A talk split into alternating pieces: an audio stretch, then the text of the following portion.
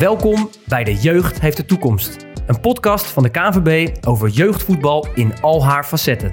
Een podcast waarin ik, Piotr van der Marel, in de wonderenwereld van het jeugdvoetbal duik. Wat drijft die trainer om week in, week uit op een drijfnat kunstgrasveld zich in te zetten voor onze kinderen? Welke keuzes maken bestuurders, voorzitters en coördinatoren om het beste voor onze jeugdspelers te organiseren? En, niet geheel onbelangrijk, wat vinden de kinderen er zelf van? Wat vinden zij nou belangrijk? Samen met mijn co-host vraag ik mijn gasten het hemd van het lijf.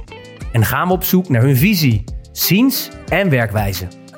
Welkom bij De Jeugd heeft de toekomst.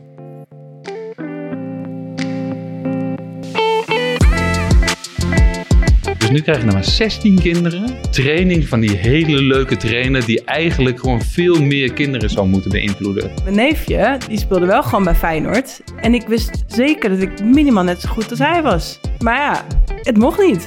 Ja, Nick, je schiet als een meisje. Zo'n opmerking is toch helemaal niet normaal eigenlijk? Dat kan nooit de manier zijn waarop dit moet.